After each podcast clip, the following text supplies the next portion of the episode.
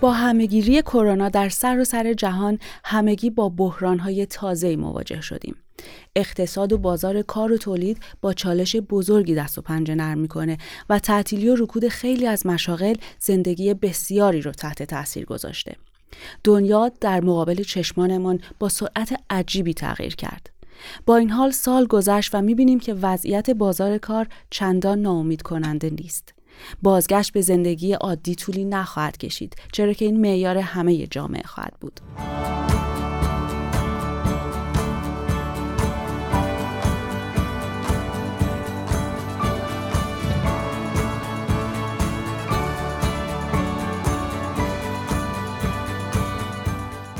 من آنا دورانی امروز برای مرور راهکارهای لازم برای چگونگی رویارویی با بعضی از چالش های پیش رو و گذر از این زمان با آیدا فیز کارشناس مدیریت منابع انسانی و مگنوس تیلور کارشناس اداره امور کاریابی هم صحبت میشم. خیلی خوش اومدین. متشکرم آنا. مرسی. خب همونطور که می‌دونیم هنگام رویارویی با چنین تغییراتی ترس و استراب پدیده خیلی رایج و معمولیه. این ترس و نگرانی برای سلامتی خود یا نزدیکان و عزیزان در حالی که با مشکلات کاری و اقتصادی مواجه هستیم می‌تونه تاثیرات منفی روی زندگی ما بذاره. مخصوصا برای کسایی که جویای کار هستن یا در معرض از دست دادن کارشون. حالا برای کاهش مشکلات روحی ناشی از این وضعیت در حال حاضر یا ماهای آینده چه راهکارهایی رو میشه در نظر گرفت و چطور میشه از این فرصت به بهترین نحو استفاده کرد که وقتی که زندگی عادی از سر گرفته میشه ما هم به روز باشیم و قدرتمندتر به بازار کار و زندگی برگردیم. آیدا می‌تونین به چند تا نکته در این زمینه اشاره کنین؟ متشکرم از سوالتون و دقیقا همینطوری که شما میگی آنا. معمولا ما روزای خوب و اگه بخوایم خیلی منتظرش بشیم که بهترین روزای آفتابی و گرم و موقعیت های کاری خوب پیش بیان. تعدادشون خیلی زیاد نیست برای اینکه بتونیم اهدافمون رو پیش ببریم. مهمترین چیز اینه که یه هدف داشته باشیم یک تصویر از هدفمون داشته باشیم و اون روزای خوب رو ایجاد کنیم. هفته های خوب رو بسازیم. یکی از مسائلی که بهمون کمک می‌کنه ایجاد روتین ها و نظم جدیدی برای اینکه بتونیم هدفمون رو پیش ببریم. در طول هفته مسئله که به ما کمک می‌کنه که بتونیم موفق بشیم اینه که چطوری در برابر چالش ها واکنش نشون میدیم. و تاباوری یکی از مواردیه که تعیین کننده اینه که آیا موفق میشیم یا نه. موانع مختلفی وجود داره و باید فکر کنیم که از چه چیزایی ما انرژی می‌گیریم و چه چیزایی از ما انرژی می‌گیرن.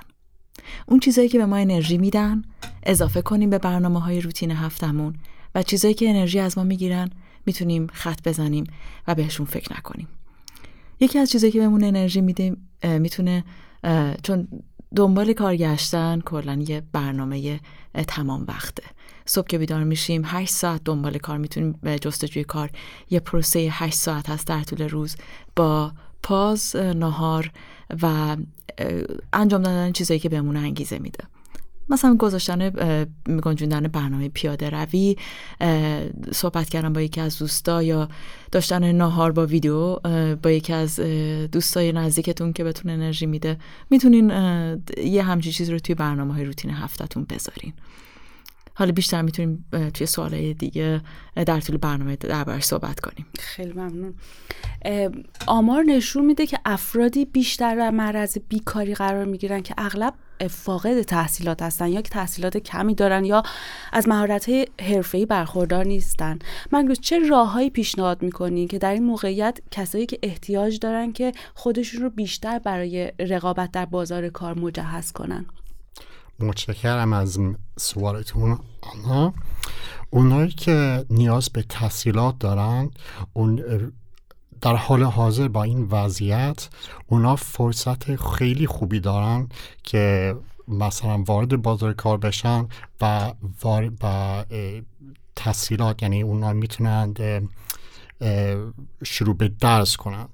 چیزی هست تو وبگاهمون مثلا arbetsförmedling.se اونجا اونجا می‌تونند تست انجام بدن مثلا. ببینن وقتی که نیاز به یک تحصیلات دارن اونا چی باید انجام بدن تا به هدفشون برسن.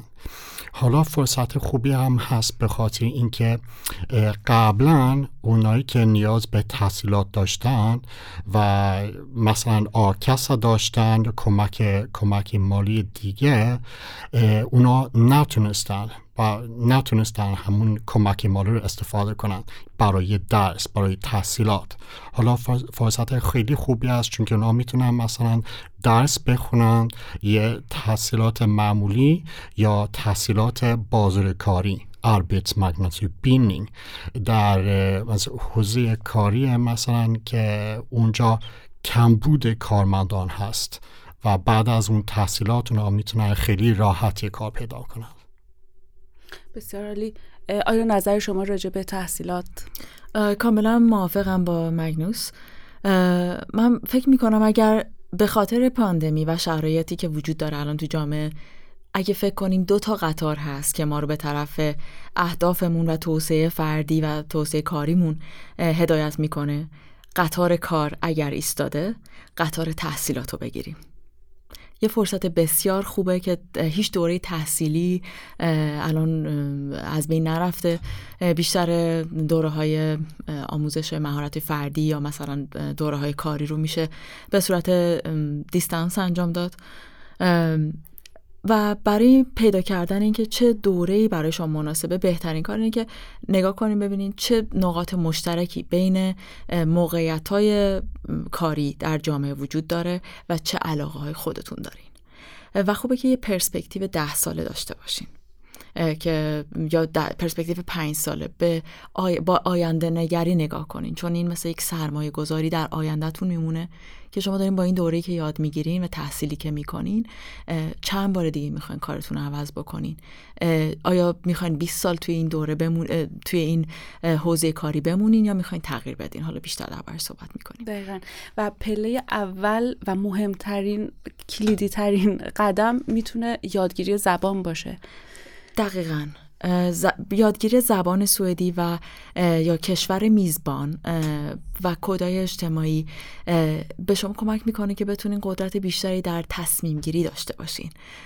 روابط بهتری ایجاد بکنین و اطلاعات بیشتری کسب بکنین. خیلی عالی. می‌دونیم که در دوران پاندمی بازار کار به سرعت تغییر کرده. موقعیت های شغلی در بسیاری از زبین ها از بین رفته یا کمتر شده. اما این شامل همه رشته ها یا شاخه های شغلی نمیشه. تقاضا برای نیروی کاری در بسیاری از کارها بالا رفته. چطور میشه توی این شرایط سریعا خودمون رو نسبت به نیاز بازار کار تطبیق بدیم؟ ماگنوسی راههایی به نظر شما می‌رسه که بهتر باشه؟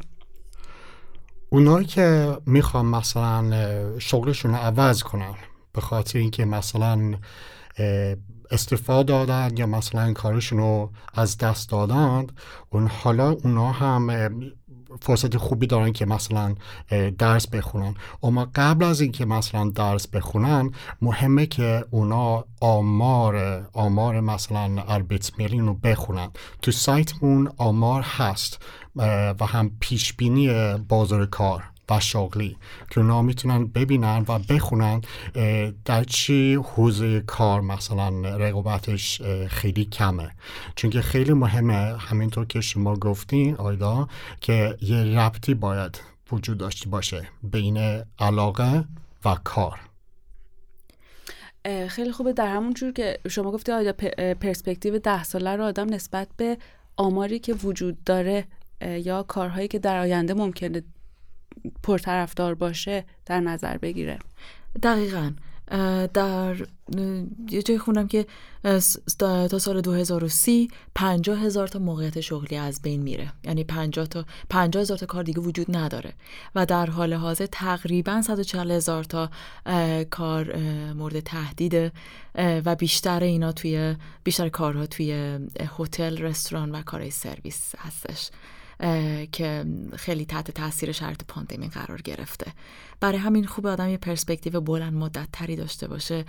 ببینه چه دوره من الان یه دوره مثلا شیش ماهی می‌خوام بگذرم یه دوره یک سال است یا یه دوره چهار سال است. تحصیلاتی اگه قرار دوره دبیرستانیمو کامل کنم یه سری از درس رو بخونم. خیلی دوره خوبیه که الان زمان خوبیه که بشه مدارک رو کامل کرد و به اهداف بلند مدت فکر کرد. دقیقا. همینطور گفتین که بازار کار همیشه در حال تغییره. مگنوس تو این موقعیت چه شغلهایی طرفدار بیشتری داره؟ و میشه گفت الان نیاز بازار کار روشون بیشتره. کار پرطرفدار در حال حاضر مثلا کادر بهداشت و درما حوزه کار انبار حوزه کار خدمات مشتری حوزه کار حمل و نقل حوزه کار آموزش و پرورش حوزه کار ایتی همش که ربطی به ایتی داره و حوزه کار اداری و دفتری. درسته. و همینجور در صفحات اداره کاریابی آدم می‌تونه کارهایی که الان نیاز بیشتری بهشون هست دقیقا دقیقا اونجا هست. تحت عنوان یوبیوسنو چیزی هست عنوان هست به نام هم یوبیوسنو هست و چیز دیگه هم هست به نام در حال حاضر کار کجا هست. وارفینز یوبن نو دقیقا. آیا فکر می‌کنی چطور میشه در این روزها به جستجوی کار یک ساختار بهتری داد؟ پیشنهاد من آنا اینه که یه جدولی رو برای برنامه ریزی هفتگیمون داشته باشیم که با کدوم چه کارهایی رو درخواست میدیم یه, یه ستون می‌تونه به روز باشه به روز تخصیص پیدا بکنه چه کسی مسئول استخدامه چه شرکتی و تلفن و ایمیل آدرس کسی که مسئول استخدامه. که بدونیم در طول یه هفته چه کارهایی رو درخواست فرستادیم و نتیجهش چی شده. آیا مصاحبه انجام شده یا نه؟ و پیشنهاد من اینه که به طور اتفاقی درخواست کارتون رو بفرستین و منتظر این نباشین که یه انونس بیاد روی وبسایت یا روی یه سایت اربس فاملینگن یا یه جای دیگه نگاه کنین.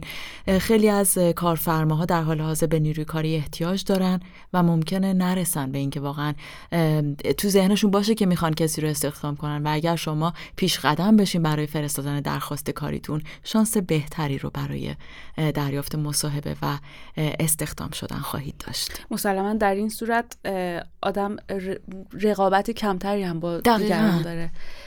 مگنوس راجع به بررسی و ارزیابی هفتگی شما یه نظر داشتین که خیلی می‌تونه مفید باشه. درسته. یک جویای کار می‌تونه مثلا همه کار انجام بده هر هفته. یه جویای کار می‌تونه مثلا تو روز جمعه می‌تونه ارزیابی کنه. کارشو. یعنی در طول ماه در طول روز گذشته در طول هفته گذشته. یعنی می‌تونه روز دوشنبه می‌تونه برنامه ریزی کنه در طول هفته چه کار چه کار باید انجام بده و روز جمعه ارزیابی کنه. یعنی چه کار انجام داده و هفته دیگه چه کار باید انجام بده. خیلی عالی. پس آدم می‌تونه بخش بازخورد و ارزیابی رو در جدولی که شما گفتید جای بده. دقیقا همطور که مگنوس میگه خوبه که برای پیگیری پروسه رشد و توسعه فردی و رشد و توسعه کاری که داریم خیلی مهمه بدونیم توی یک هفته چه کارایی کردیم که منو به جلو پیش برده و چه کارایی کردیم که بازدارنده بوده. انجام دادن کارایی که شبیه کارای گذشتمونه نتایج یکسانی میده. و وقتی که ارزیابی کنیم می‌بینیم چه چیزایی بهمون کمک کرده که جلو بریم چه چیزایی تمرکزمون رو بیشتر کرده چه چیزایی ما رو شادتر کرده و اون نکات رو بیشتر در نظر بگیریم. و بر اساس اون برنامه آینده رو تنظیم کنیم. همینطوره. خب چه راهکارهایی رو پیشنهاد می‌کنید برای چگونگی تقاضای کار و تماس با کارفرما؟ پیشنهاد من اینه که یه رزومه رزومتون رو داشته باشین یه رزومه عمومی که برای کار مختلفی می‌تونین با یه تغییرات کوچیکی بفرستین. حتما بعد البته تطبیق داده بشه با توجه به رشته حیطه کاری که می‌خواین درخواستتون رو بفرستین. یه معرفی کوتاه از خودتون و اینو می‌تونین به ایمیل کارفرما بفرستین. پیشنهاد من درست کردن یه ویدیو تصویر یه ویدیو یا رزومه تصویری که سی ثانیه باشه درباره تحصیلاتتون تجربتون و حیطه‌ای که دوست دارین توش کار کنین صحبت کنین. می‌تونین لینک این ویدیو رو توی CV تون بذارین. لینک این ویدیو می‌تونه روی یوتیوب باشه و تازه می‌تونین بعدا نگاه کنین ببینید کسی نگاه کرده یا نه. این خیلی شیوه خوبیه که الان که بیشتر مصاحبه ها به صورت دیجیتال هست. وقت شما رو وقتی بیشتری برای شما ذخیره می‌کنه و وقت کارفرما هم بیشتر ذخیره میشه و می‌بینن که خیلی افکتیو خیلی شیوه موثریه برای درخواست کار فرستادن مگنوس راجع به اهمیت شبکه های اجتماعی از جمله لینکدین فکر می‌کنین چطور می‌تونه کمک کنه در این پروسه؟ لینکدین یکی از بهترین شبکه های اجتماعی است. خیلی مهمه که شما اینا استفاده کنین. یعنی یه جویای کار لینکدین رو استفاده کنه. اونجا می‌تونی همونطور که شما گفتی خانم آیدا درباره همین ویدیو و رزومه تصویری. تو لینکدین شما می‌تونی همون همون سیوی رزومه تصویری رو بذارید. و یعنی جوری کارفرمایان می‌تونن شما رو پیدا کنند.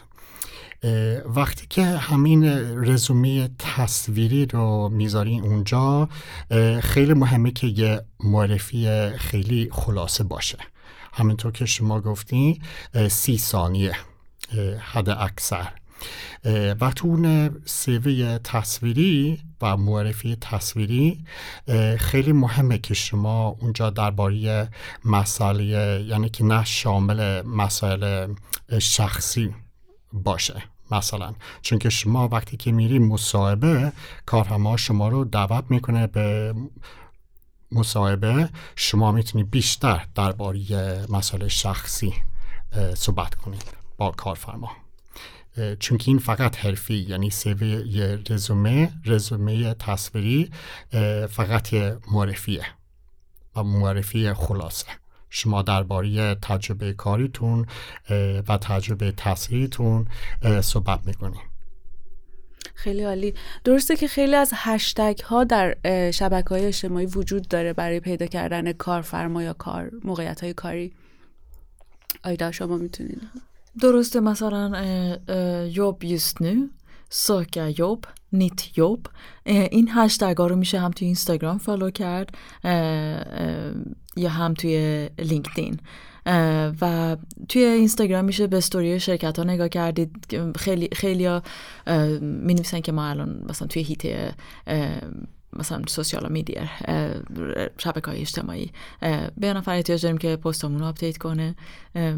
خیلی خوبه که تو تمام رسانه های اجتماعی نگاه کنیم و ببینیم که چه اتفاقی داره میفته چه trend ایی هست چه چیزایی داره اجرا میشه و کدومشون به علاقه های شخصی ما نزدیک تره و خوبه که ما بدونیم ما اولین نسل و اولین انسان نیستیم که با تغییر مواجه میشیم و همیشه تغییرات بازار کار وجود داشته. و مهمترین کاری که ما می‌تونیم بکنیم تطبیق. با شرایط و بهمون خیلی کمک می‌کنه که بتونیم این دوره رو به خوبی بگذرونیم و با یه دیدگاه آینده نگرانه. خیلی عالی. ممنون از راهکارهای بسیار مفید و فرصتی که دادید. آیدا فیز کارشناس مدیریت منابع انسانی و مگنوس تیلور کارشناس اداره کاریابی.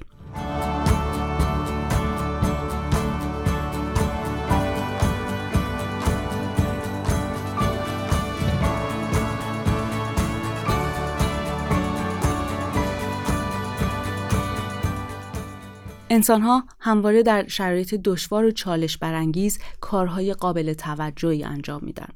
نظریه‌ای وجود داره که از اون به عنوان بالندگی پس از آسیب یاد میشه. بسیاری افراد در رویارویی با چالش ها و مشکلات کارهای شگفتانگیز و خارق العاده انجام میدن و توانایی از خودشون بروز میدن که پیشتر در خود نمی‌دیدند. با انجام این کارها حس رضایت اونها از خودشون بالا میره و بسیاری از اونها با احساس قدرت بیشتری از بحران ها سر بر میارن و خود رو نیرومندتر از اونچه که بودن میابند. باید مصمم عمل کنیم با مسئولیت پذیری و داشتن دسیپلین بسیاری از ما نیرومندتر از این بحران گذر خواهیم کرد. موفق باشید.